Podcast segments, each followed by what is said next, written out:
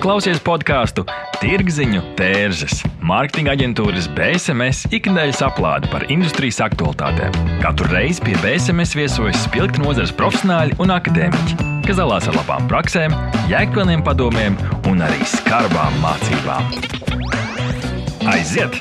Šodien Tirziņu tērzes studijā Inta Buša ir iznācis uh, Golin Accelerators of Relevance Influencer Index 2022, kas ir gan prezentēts, gan paspējis nokļūt arī pāris influencer diskusiju krustagonīs. Šodienas epizodē Influencer Index 2022 un Tirziņa tēža studijā šodien viesojas Laima Zēmela, sabiedrisko attiecību aģentūras Golina Rīga direktore, Kristaps Siliņš, Baltijā apbalvotākais stratēģis, vadošais partneris radošās komunikācijas grupas Makana uzņēmumiem Latvijā, kā arī Tatjana Peķukeviča, BSMS projektu vadītāja darbā ar influenceru mārketingu. Man uzreiz ir jautājums, kāds ir influenceru indeksa mērķis un kas tad ir šogad noticis varbūt tiem mārketinga komunikācijas speciālistiem, kas varbūt nav tik zinoši par šo laimu? Influencer indeksa mērķis lielam, tā, kad mēs sākām viņu rīkot, bija sakārtot nozari, lai saprastu, kas notiek influencer mārketingā Latvijā. Jo tas notikās pirms eh, vairāk nekā četriem gadiem, 2018. Eh, gadā, kad mēs eh, organizējām pirmo influencer indeksu. Un vēlējāmies saprast, nu tad, kāda ir tā influencer loma kopējā mārketingā. Un, protams, arī izvērtēt esošos influencerus un saprast, kas ir labās prakses piemēri, celt viņus un parādīt gaismā, pastāstīt arī par to, kā tad reklāmdevējiem vajadzētu domāt par influenceriem, kā sadarboties ar viņiem. Jo līdz ar influenceru indeksu mēs pieteicām ne tikai labākos influencerus un noindeksējām viņus un sakārtojām viņus pēc kvalitatīviem un kvantitīviem rādītājiem, bet arī prezentējām Golden ētikas kodeksu kā tad eh, būtu influenceriem jādarbojas eh, ikdienā, gatavojot savu saturu, sadarbojoties ar reklāmdevējiem, sadarbojoties ar saviem sekotājiem. Pastāstiet, varbūt, kas ietilpst eh, šajā etikas kodeksā. Pirms četriem gadiem tur bija četri punkti, pieci punkti, mm -hmm. kas bija jāņem vērā. Taču šogad mēs prezentējām etikas kodeksa otro versiju, kuru mēs paplašinājām un uh, iekļāvām papildus auditoriju, jo saprotam, ka sadarbības ar influenceriem un uh, satura veidošanu ietekmē ne tikai un vienīgi influenceris pats, bet arī reklāmdevēja sadarbības partneri, uzņēmumi, zīmoli. Līdz ar to mēs iekļāvām tajā vadlīnijas, kā sadarboties ar zīmoli, zīmoliem, ar influenceriem un kā influenceriem veidot saturu.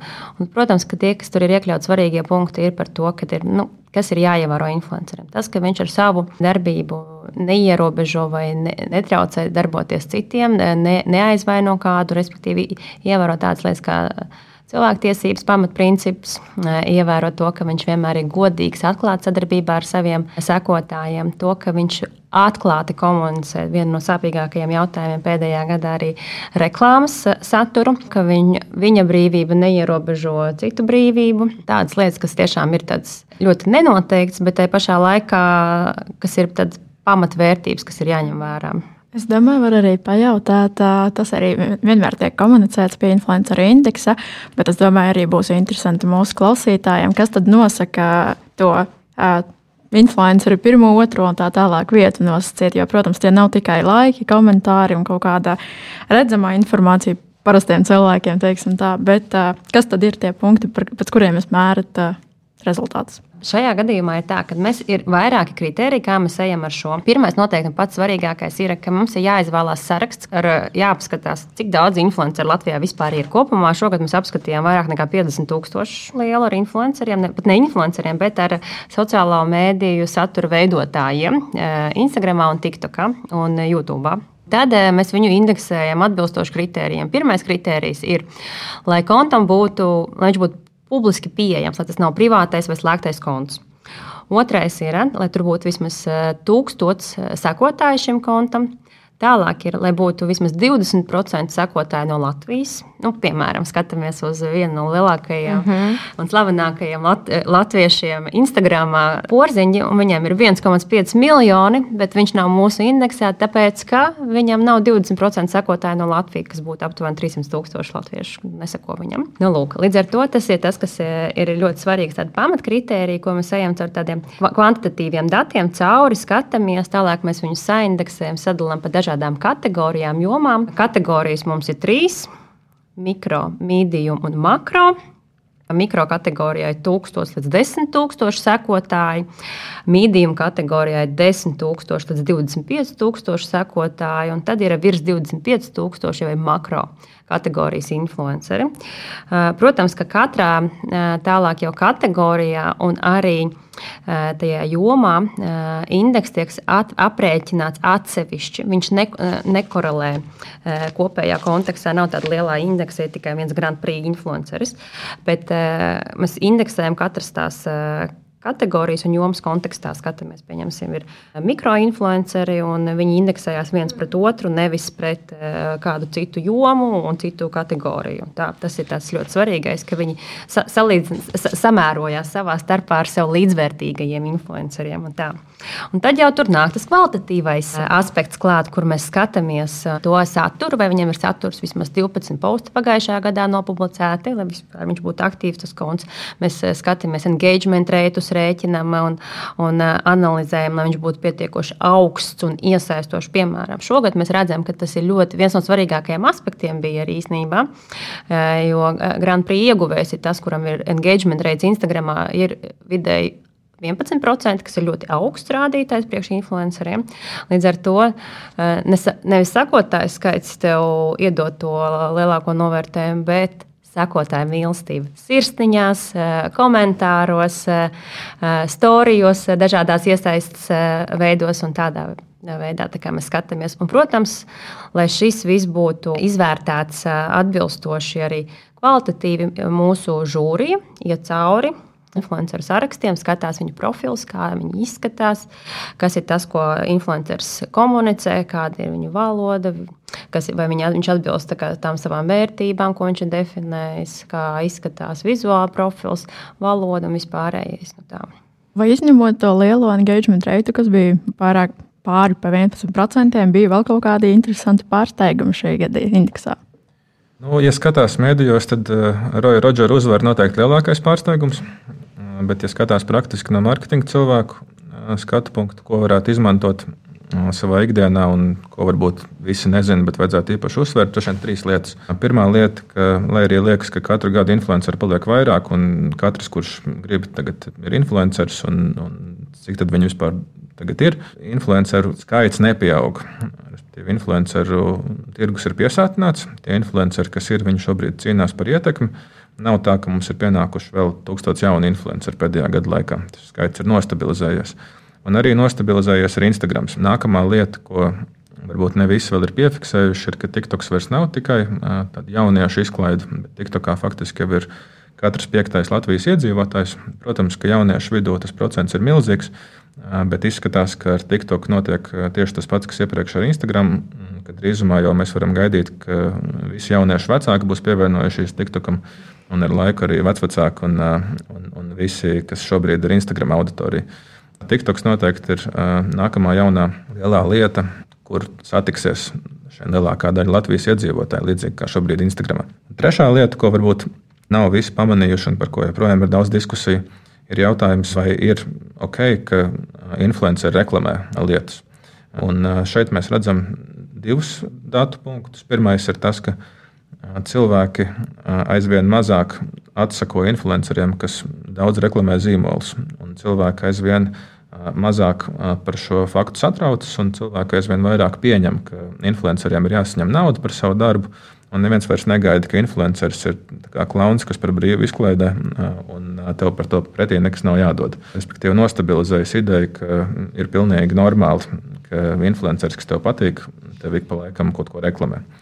Un arī no mārketinga vadītāja skatu punkta, no zīmola skatu punkta, mēs redzam tieši to pašu par 50% pieaudzis to uzņēmumu skaits, kurš saka, ka izmanto influenceru mārketingu, ir samazinājies uzņēmumu skaits, kas saka, ka viņi influenceru mārketingam netic vai neizmanto. Respektīvi, sasumējot šo visu kopā, mēs redzam, ka influenceri šobrīd cīnās par kvalitāti. Tā platforma, kur būs jaunā lielā cīņa, būs TikToks. Pilnīgi viss ar katru gadu vairāk pieņem to, ka influenceru biznesa tā ir komerciāla lieta, mārketinga rīks. Gan cilvēki saprot, ka viņiem jāmaksā par skatīšanos, gan zīmoli saprot, ka viņiem jāmaksā par to, lai viņus kāds reklamē. Mums bija epizode par influenceru mārketingu kopā ar Kristīnu Beitiku un Rūtu Dvinsku, un mēs tieši par to arī runājām, ka it kā no vienas puses cilvēki saka, es redzu reklāmas influenceru feedā, Instagramā, bet, bet atkal no otras puses tā tam vajadzētu arī būt. Tev vajadzētu būt šai norādē reklāma, tev vajadzētu atpazīt, jo tas, tas, tas taču ir gal galā maksas saturs un kaut kādā ziņā nu, tādam vajadzētu būt. Bet, ja mēs runājam par, turpinām par šo influenceru saturu un par jomām un to, kā vispār izskatās influenceru mārketings, Lem, tu teici, ka ir vairākas jomas, jomas klausītāji, jo tu nezini, ir sekojošas dzīves stils, skaistums, dizains, mode, ēdienas, izklaide, foto un video sports, jaunatne. Un tad mans jautājums jums ir, vai jūs redzat, ka ir jomas, kurām ir varbūt relatīvs nozīmīgums, bet tās netiek pašreiz pārstāvētas Latvijā.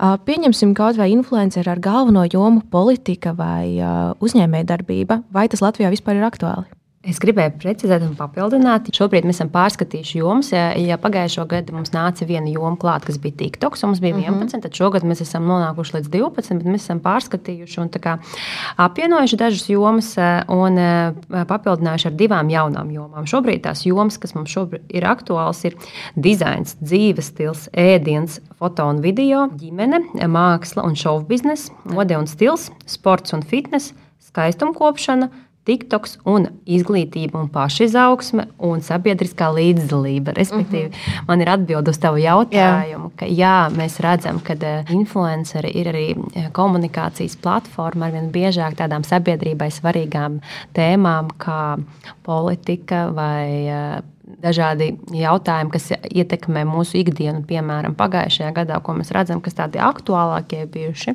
ir bijuši par dažādības skaroši jautājumi. Piemēram, Praids vasarā bija ļoti aktīvs un aktuāls sociālajos mēdījos un dažādi influenceri piedarība dažādām kopienām. Tāpat arī jautājums par ģimenes statusu bija ļoti plaši diskutēts sociālajos mēdījos. Arī mm -hmm. influenceri bija kā balsis eh, šai diskusijai. Dzimumu līdztiesība arī. Dzimumu līdztiesība. Mm -hmm. Tas ir vēl viens jautājums, noteikti, arī par kuru runā ar vien plašāk un plašāk eh, tieši šajās platformās. Un man šķiet, ka tās ir platformas, kurās ir visvienkāršāk runāt par tām. Arī. Tas, ko mēs redzam eh, šī gada sākumā, savukārt ir nu, karš. Ir tā ir tēma, par kuru influenceriem, kā mēs nospriedām mūsu paneļa diskusijā ar ekspertiem, nedrīkstēja neklusēt influenceri par savu pozīciju šajā jautājumā jautājumā. Un, un tās diskusijas ir diezgan skaļas un uh, bijušas pēdējo divu mēnešu, trīs mēnešu laikā par to, nu, tad, uh, cik skaļi ir jāpauž tā savu pozīciju, vai ir jāpauž,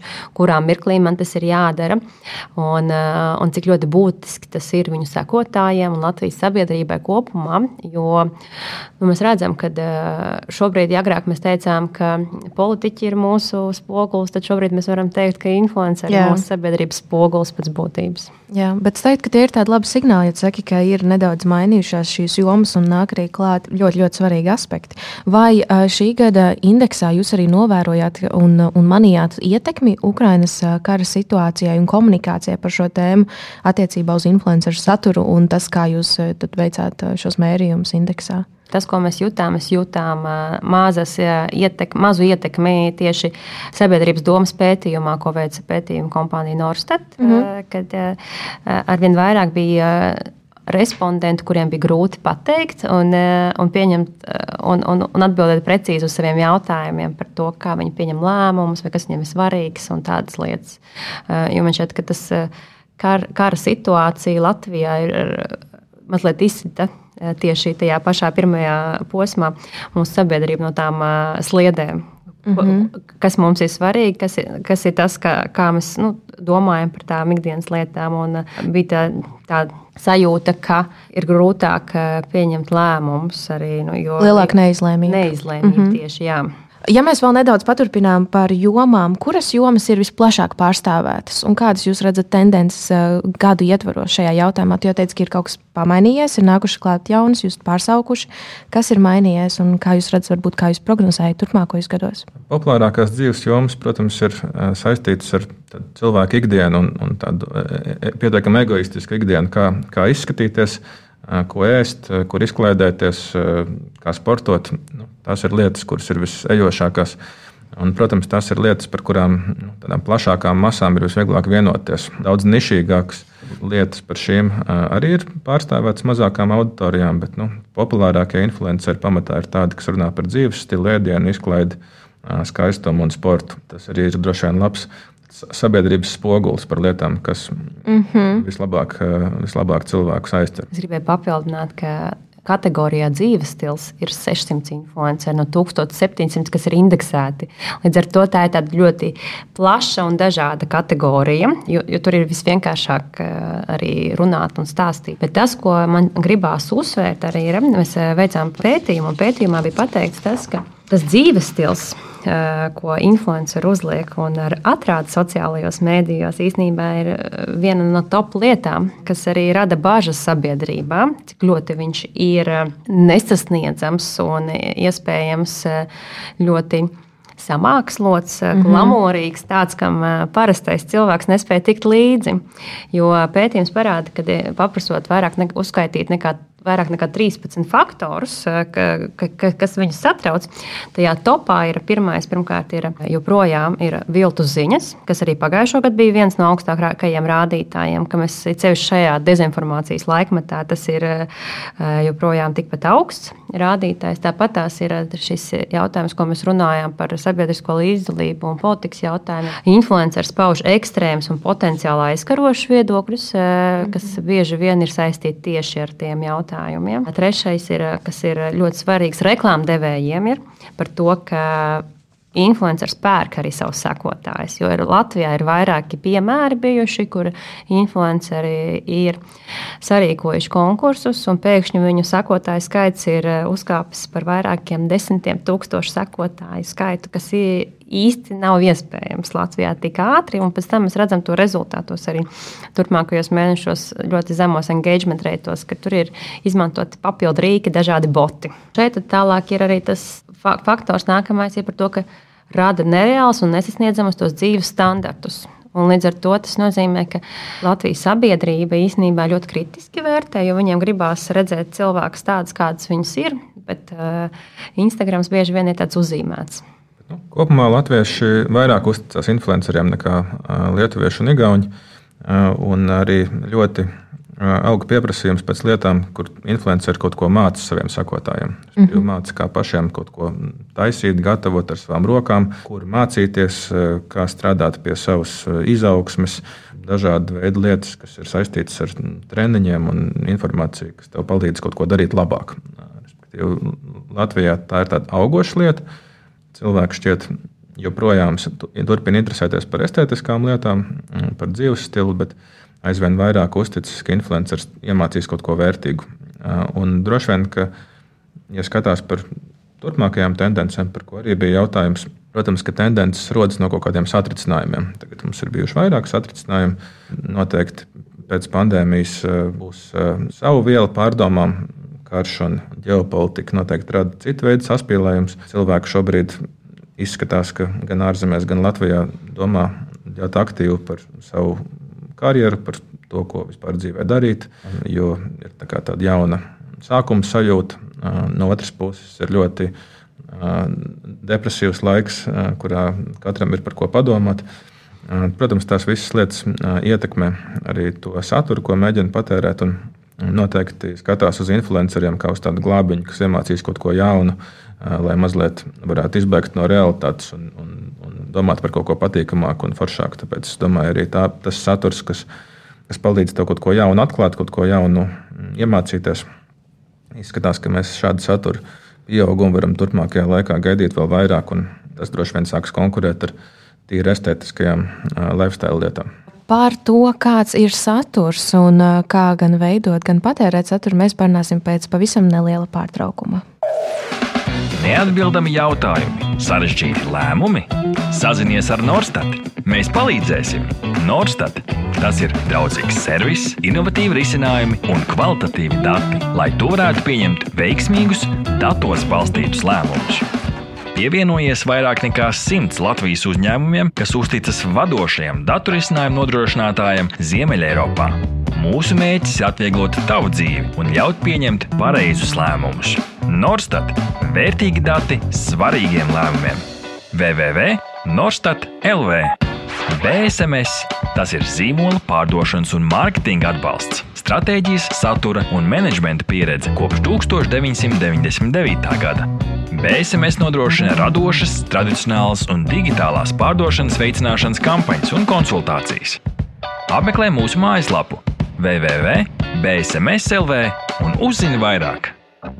Jā, mēs eh, runājām par šo saturu. Tas, kas man likās interesanti, Kristof, ko teici, tu teici, ka cilvēki vairāk grib šo autentisko saturu un ka viņi grib lietas, kur tiešām tu vari iemācīties kaut kādas prasmes. Tā kā tāda amatniecība nedaudz sanāk, vai ne? Nu, uz to šobrīd vēl, jā, jo skaidrs, ka cilvēki aizvien mazāk grib lasīt mūsdienās, redzam. Līdz ar to ir prioritāri tiek patērēts video saturs. Influencer radīts video saturs ir baudāmāks iespējams nekā kāda YouTube tutoriāļi vai, vai garākas apmācības, tāpēc tas ir ļoti koncentrēts. Tu dabū arī vairāk tā konkrētā cilvēka personības šķautni iekšā šajā saturā nekā teiksim, nepazīstamu treneri kaut kur YouTube. Un līdz ar to tas nu, ir gan slinkāks veids, kā patērēt mācību saturu, gan arī izklaidējošāks veids, kā patērēt mācību saturu, nekā alternatīvs. Tāpēc droši vien tas turpinās augt un attīstīties. Kādas, kādas vēl tendences un prognozes jūs teiktu, kā mainīsies influenceru komunikācija turpmākajos gados? Tad viens ir tas, ka vairāk video saturs, mēs jau tagad redzam, ka ir diezgan daudz šie rīli un tā tālāk. Otrs ir tas, ko jūs jau minējāt par to, ka vēlme kaut ko iemācīt saviem sekotājiem, parādīt, vai ir vēl kaut kas, ko jūs šeit liktu klāt? Mēs redzam, ka ar katru nākamo sociālo mediju mainās divas lietas. Pirmā lieta ir, ka tālāk mēs ejam prom no, no teksta un, un, un message'iem. Kā mēs zinām, tad mēs esam šobrīd revolucionējuši no blogiem, kur bija diezgan daudz jāraksta, tad no Facebook, kur bija arī joprojām diezgan daudz jāraksta, uz Instagram, kur bija jāraksta jau mazāk, un tagad uz TikTok, kur var nerakstīt principā vispār. Ar to visticamāk, atpakaļ šīs tendences neies, un nu, rakstītais teksts nebūs klātesošs turpmākajos gados. Te jau nemaz vai, vai relatīvi maz. Lieta, kas savukārt attīstās ar katru nākamo sociālo mediju, ir krafts, jeb digitālo prasmju izmantošana. Katrā nākamajā sociālajā medijā ir daudz grūtāk būt, ja tev nav labas audio-vizuālas vai digitālas prasmes. Tāpēc arī organiski jaunieši ir pirmie, kas pārņem jaunākos sociālos medijus, jo viņiem šīs digitālās prasmes ir. Un veidojas aizvien lielāka konkurence, cik labas tev ir šīs digitālās prasmes. Ko mēs noteikti redzēsim, ir, ka influenceris nevarēs būt influenceris, ja viņam nebūs vai nu laba komanda apkārt, kas jau šobrīd ir lieta, ko mēs redzam lielajiem skandināvu vai rietumu valstu vai Āzijas influenceriem, kuriem ir produkcijas komandas, kas spēj nodrošināt atbalstu sākot ar gaismotājiem, fotografiem, beidzot ar foto-video montētājiem. Tas, protams, ir iespējams tajā brīdī, kad influenceris ir ļoti slavens, bet noteikti influenceris kā profesija arī Latvijā atļaus tiksim, veidot ap sevi šādas komandas, kas taisa ļoti high production saturu. Otrā galā, protams, būs tie influenceri, kas mēģinās to darīt paši saviem spēkiem. Bet tad arī visticamāk ar laiku izskatīsies daudz vien, aizvien vairāk tie, kuriem būs dabisks talants vai, vai spēja veidot izcilu digitālu kraftu, izcilu audiovizuālu saturu. Un tas, tas noteikti ir nākamais rauns influenceru attīstībā, tad konkurence par audiovizuālu saturu kvalitāti. Daži to spēs nopirkt par naudu, citiem būs tas jāpierāda ar savu talantu. Tas noteikti būs vesels liels žanrs, kurā influenceriem konkurēt. Es gribēju papildināt, ka otrs ir tā tendence, kas iesākās pagājušā gadā un arī turpinās šobrīd, ir par to specializēšanos, ka influencerim pēc būtības būtu jāizvēlās tā joma, kurā viņš, eh, par kuru viņš vēlas komunicēt sociālajos tīklos. Tas ir tas, ko mēs redzam. Jo sekotājiem ir jāredz tās vērtības, ko nes šis influenceris. Jāsaprot, kas ir tā viņa misija sociālajos mēdījos, kā sakrīt manas, kā pieņemsim, sakotāja vērtības ar influenceru vērtībām. Tas, to mēs redzam arī datos, ir tajā mirklī, kad mēs jautājam par to, kas tad influenceri padara par influenceru. Mēs lielākā daļa sabiedrības 60% saka, ka tas ir viņu sekotāju skaits. Tālāk 45% saka, ka tas ir viņu saturs. Un, uh, savukārt, tad, ja mēs paprasām vēl specifiskāk, kas viņu padara par veiksmīgu influenceri, tad tur uzreiz ir tas, ka viņš ir patiess, kas uh, parāda uz to, ka ir nepieciešama tā emocionālā vērtība saite ar šo influenceri, un ka viņš ir eksperts vai noteikts joms pārzinātājs. Līdz ar to mums ir svarīgi uzticēties uh, šim influencerim. Un tā, un te ir arī tas otrs paradoks par to, ka mēs ļoti ticam un uzticamies tiem influenceriem, kuriem mēs sekojam. Jo salīdzinot divus ļoti līdzīgus jautājumus par to, kādu dzīves stilu atspoguļo sociālajos mēdījos vairākums influenceru, sabiedrība atbild, ka lielākoties ir nepatiesību un ka tie ir 60%. Tajā mirklī, kad mēs noprecizējam, kādu dzīves stilu atspoguļo tie influenceri, kuriem tu seko, tad uzreiz tie dati pilnībā otrādi apmetās. 53 ir saka, ka viņi ir patiesi. Un te radās tāds višku tāds, tā sajūta, ka mēs dzīvojam tajos mazajos burbulīšos sociālajos Jā. tīklos. Gan TikTokā, gan arī Instagramā. Un te ir tas nākamais faktors, kas ir Nu, cik ļoti mēs mākam sajust un saprast tos sociālo tīklu algoritmus, kas papildina ne tikai tās prasmes, bet arī nu, uzķer tos trendus un tendences. Tas laikam arī sasaucās ar mūsu iepriekšējās epizodes par influenceriem. Tēmatu arī bija jautājums pētījumā par to, kā cilvēki vispār redz to samākslotu un nesmākslotu, kā viņi atšķir to saturu. Un pēc tam otrajā jautājumā, vai jūs ticat tam, un viņi principā pasaka, ka jā, ka jā viņi atšķir, ka tas ir samākslots, bet tajā pašā laikā. Nu, man parāda reklāmu, es viņai ticu. Kaut kādā tādā veidā arī. Bet jā, mēs redzam, ka mums attīstās gan tās jomas, viņas mainās, gadu viņas kaut kā ir citādākas, aktuālākas, un arī satura kaut kādā ziņā ir izmaiņas.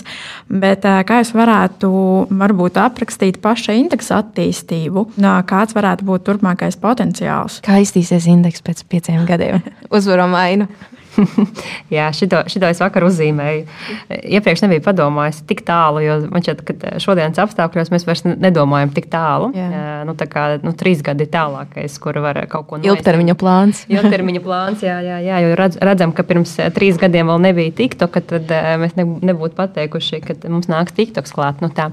un tas arī iezīmē to tendenci, ka, un ko Kristaps arī minēja, ka, ka neatkarīgi no tā, kādi būs tie nākamie risinājumi aiz TikTok, ka mēs esam gatavi gatavi skatīties un uzreiz eh, vērtēt, nu, jebkurus jaunus kanālus klāt, likt, eh, jo arī nu, sākām ar Instagram, turpinājām, papildinājām ar YouTube, un pēc tam jau skatījāmies arī uz TikTok. Nu, tas eh, indeks arī attīstās. Protams, jāskatās par mūsu iespējām un nepieciešamību par indeksa paplašināšanos arī ārpus uh, Latvijas, vai, vai mēs ejam Baltijas līmenī vai neejam Baltijas līmenī. To var skatīties divos virzienos. Viens ir, ka mēs veidojam starptautisku žūriju, kas vērtē influenceru kontus.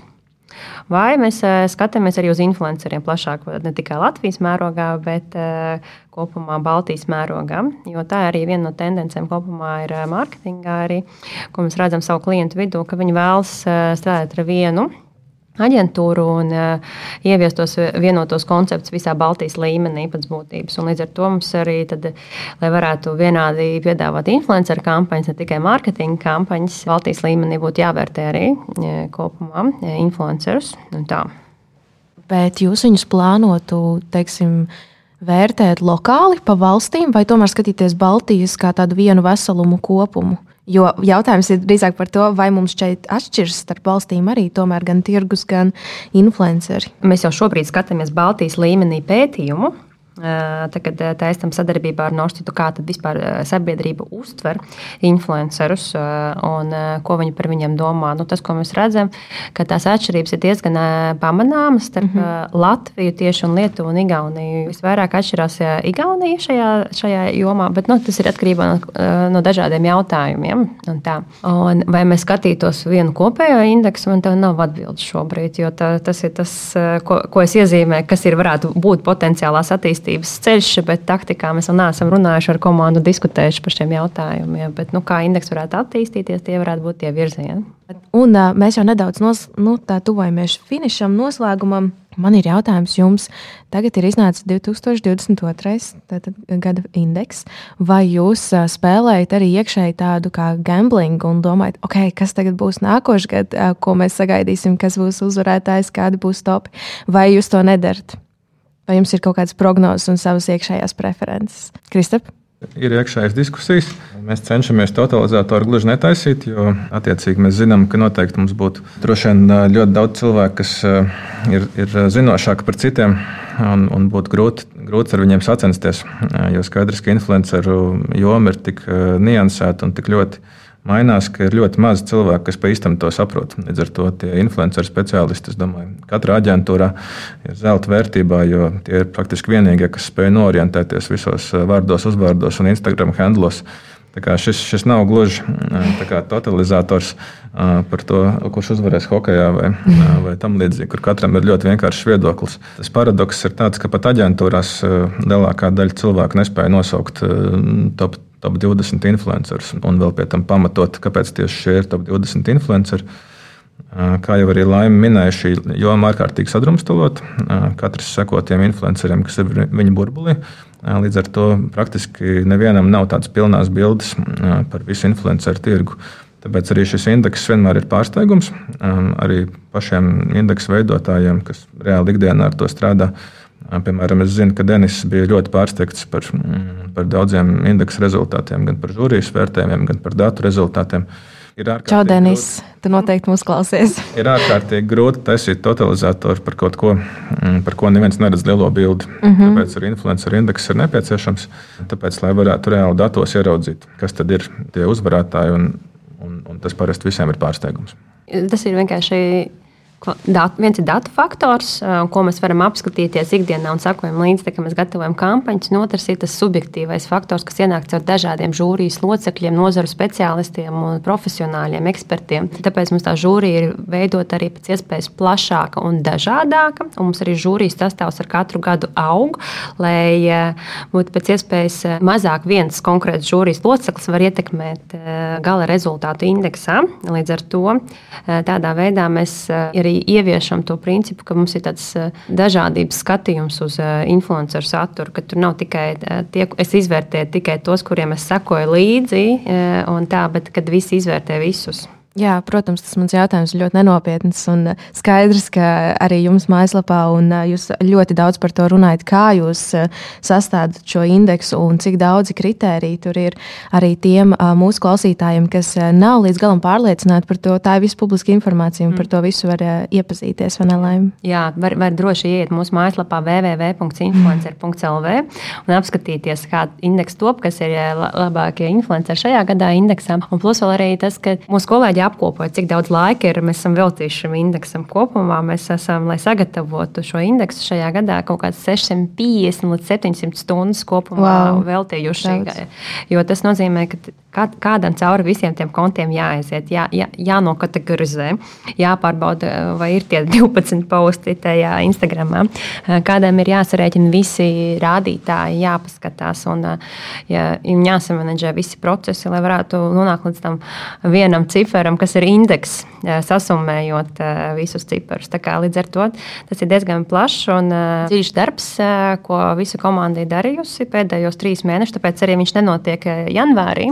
Kad mēs uzreiz saņemam datus, piemēram, no mūsu partneriem Hype Auditor, jo tas ir ļoti liels sirds, kuram ir jāiziet Jā. cauri. Vairākas reizes mēs ejam cauri tiem sarakstiem. Respektīvi, ja kāds grib uzvarēt nākamajā influenceru indeksā, tad nav jēgas iet pie Denisa Ševeļova un mēģināt sarunāt. Jo Denis ne, nespēs eh, ne datus, ne žūriju ietekmēt eh, tā, lai tas būtu iespējams. Kā, nu, tas, kas ir jādara, faktiski ir, ir jāmēģina eh, vienkārši dabūt izcils engagement rezultātus, taisīt saturu, kas ir kvalitatīvs, kas visiem patīk. Un, kā minimums jūsu influenceriem, jūsu sekotājiem. Nu, plus arī, protams, palīdz atpazīstamība un etikas normu ievērošana un tam līdzīgas lietas, lai dabūtu arī augstus žūrijas vērtējumus tad jā, tieši tā datos balstīta pieeja un diezgan tālu no kaut kādas subjektivitātes. Un noslēdzot mūsu epizodi, kas ir tās galvenās atziņas vai ceļavārdi mūsu klausītājiem, ko jūs novēlētu vai gribētu pateikt? Es ieteiktu skatīties uz influenceru mārketingu nevis kā tādu haotisku papildu darbību savā ikdienā, bet kā plānotu, pārdomātu eh, sadarbību ar influenceriem, kuriem nepieciešams nodefinēt savā pusē vai nu pašai uzņēmumam kopumā, vai no nu aģentūra palīdz nodefinēt, nu, kādās vērtībās balstās sadarbība ar influenceriem, kas ir tie nosacījumi, kā mēs veidojam, kas ir tas, ko mēs vēlamies panākt no, sadarb no šīm sadarbībām un eh, strateģiski domāt, kā viņas ieviest arī ikdienas kampaņas aktivitātes vai vienkārši tādas uh, mazās sadarbības. Un tas ir tāds man šķiet svarīgākais, ka šobrīd mēs vairs neesam haotiski savā darbībās, bet plānoti un pārdomāti, jo arī influenceri kļūst izvēlīgi. Arī viņi pārdomā, ar ko viņi vēlas strādāt, ar ko viņi nevēlas strādāt, ar kādiem zīmoliem. Nav vairs tas uh, mirklis, kad uh, visi ir pateicīgi par to, ka kāds viņus uzrunā un, uh, un atvērt sadarbībām ar visiem. Kristap? Nozara sakārtojas, kļūst par profesiju. Tas nozīmē, ka šobrīd mēs redzam, ka klienti ir gatavāki eh, un aģentūras varbūt strādāt ar influenceriem, nekā bieži vien paši influenceri ir gatavi ļoti aktīvi konkurēt. Eh, jo eh, klientiem un aģentūrām ir vieglāk sakārtot procesus, jo viņiem ir pietiekami liels komandas. Attiecīgi arī diezgan daudz zināšanas, ko var pārņemt no dažādām filiālēm, valstīm, dažādu know-how. Influenceriem līdz šim ir joprojām jācīnās pašiem par sevi. Sanāk, ka ir situācija, kurā ir influenceriem visticamāk jāizvēlas, vai viņš redz, ka turpmākos piecus gadus influenceru darbība būs viņa profesija. Un, ja jā, tad visticamāk jāmeklē komanda sev apkārt. Vienu vai citu veidu supporta cilvēki, kas var gan palīdzēt ar publisko tēlu, palīdzēt slēgt darījumus ar klientiem, palīdzēt sakārtot finanšu jautājumus, palīdzēt arī celt satura kvalitāti. Eh, lai nesanāk situācija, kurā vienā pusē ir eh, klienta mārketinga komanda, kas ir ļoti pieredzējusi strādāt ar influenceriem, plus vēl aģentūra, kas arī ir ar savām metodēm pieejama un kas velk visu teikt, uz savu pusi. Un otrā pusē ir viens influenceris, kurš mēģina eh, gan sataisīt saturu, gan paralēli turēt attiecības ar klientiem, gan paralēli izvērtēt sadarbības, gan izdomāt mārketinga taktikas, pieejas, sekot līdzi kas, kas vispār notiek apkārt pasaulē.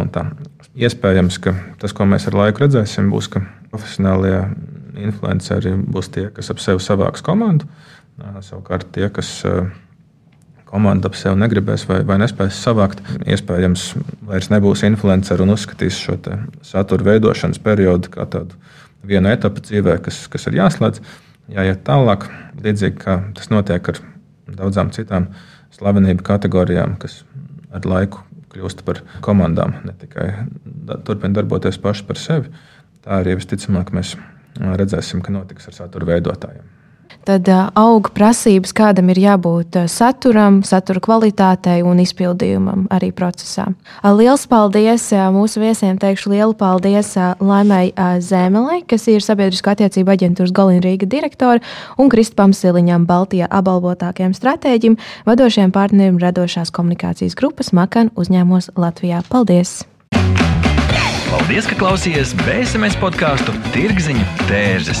Aplādi ar labām praktiskām, jēgpilniem padomiem un skarbām mācībām.